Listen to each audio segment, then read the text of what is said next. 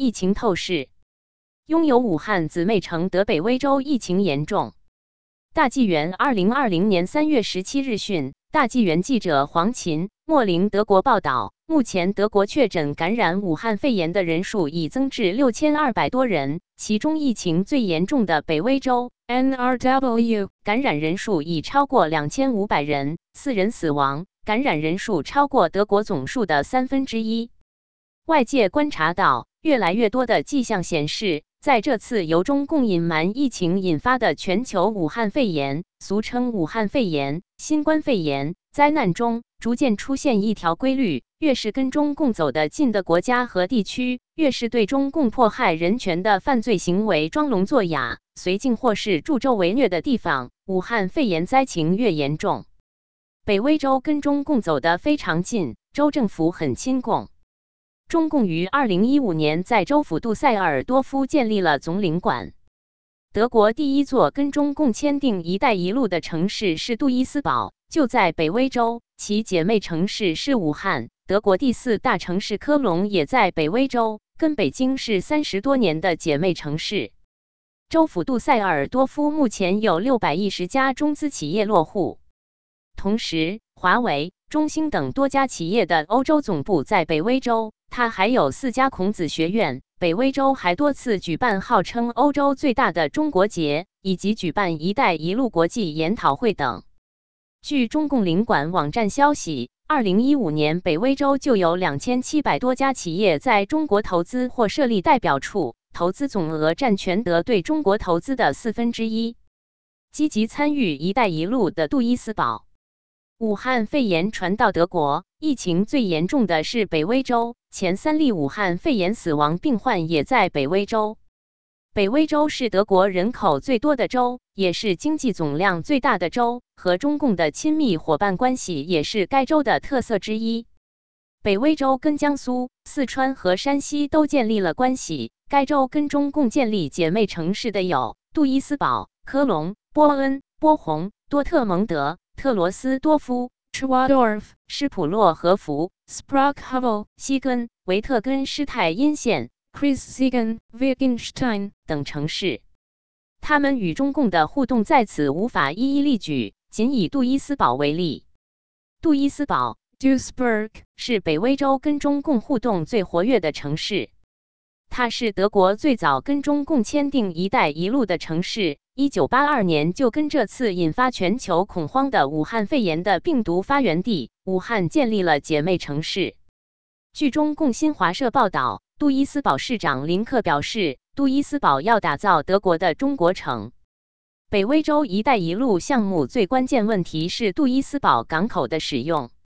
杜伊斯堡港是世界最大的内河港，本身吞吐量大。七百二十公里的内河航线有一百二十个港口，直通北海、波罗的海、大西洋、地中海和黑海。杜伊斯堡港口作为中欧班列线路上的重要枢纽，是中共“一带一路”进入欧洲的大门。据中共官网二零一八年的统计，重庆至杜伊斯堡港的渝新欧铁路列车每周约有三十五杠四十趟班列往返于杜伊斯堡港和中国的十余个城市之间。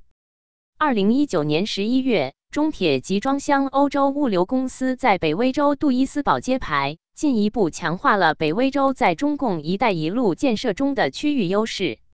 二零一九年十二月十一日，第五届“一带一路”与中欧合作国际论坛杜伊斯堡市举行，由杜伊斯堡埃森大学东亚研究院与德国鲁尔都市孔子学院共同主办。德国共有十九所孔子学院，北威州占四所。在美国不断提醒西方有关华为五 G 的危害性之际，据德国最大的地方报纸 Was 二零一九年九月消息，杜伊斯堡将自己建造智能城市的项目交给华为，并且面对外界批评依旧坚持。此外，杜塞尔多夫至二零一七年已经独立举办七次中国节，二零一八年起与科隆市、杜伊斯堡市联合举办号称欧洲最大中国节。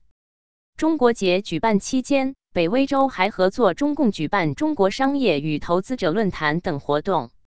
这些活动被指沦为中共大外宣和扩大政治影响力的工具，而非弘扬真正的传统文化。投资中国，落户德国北威州占主导。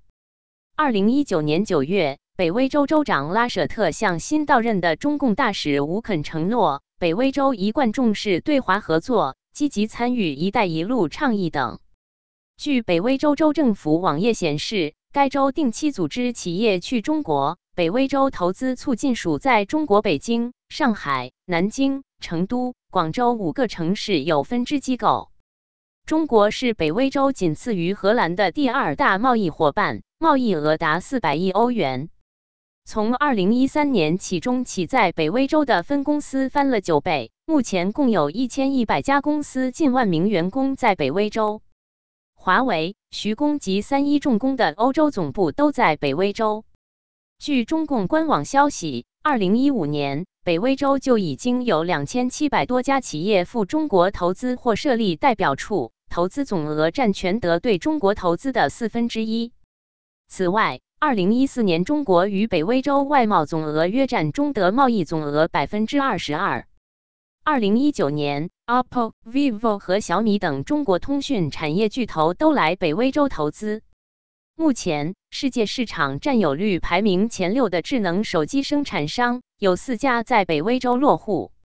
北威州经济部长平克·瓦尔特在盘点2019年北威州的亮点时说：“目前有一千一百多家中资企业落户北威州，同时也有一千余家北威州企业进驻中国。他们在北威州与中国之间编织了密切的关系网络。”以上仅仅盘点了一小部分北威州跟中共的互动。大纪元特稿指出，近四十年来，从亚非拉发展中国家到欧美发达国家，中共一直在以经济利益为诱饵，用全球化、一带一路等计划为遮掩，通过政治、经济、文化、教育、科技等各种渠道向各国渗透。有评论表示，此次北威州武汉疫情严重，是否由于奉行亲共路线所引起的？北威州最后付出的代价会远远超出眼下得到的利益，这个问题应该引起德国社会的思考了。明慧网刊发评论文章表示，近二十年来，中共在国际社会上表面刻意淡化东西方意识形态，鼓吹全球市场化与人类命运共同体，暗地里通过蓝金黄、大外宣等手段渗透西方，几近成功。中共对六四学生的屠杀。对法轮功信仰者的残酷迫害，以及对新疆、香港人的镇压，西方社会政界、金融界和大财团对此视而不见，即使批评，也只敢在私下里说，不敢摆放在桌面上谈。甚至在对待足以威胁到西方世界安全的华为五 G 建设的问题上，由于被中共扼住了市场的喉咙，集体装聋作哑。文章说，西方的绥靖与纵容养肥了中共。这不仅仅是对中国民众在犯罪，当他们对中共邪恶沉默时，也是在出卖自己的灵魂。责任编辑：李琼。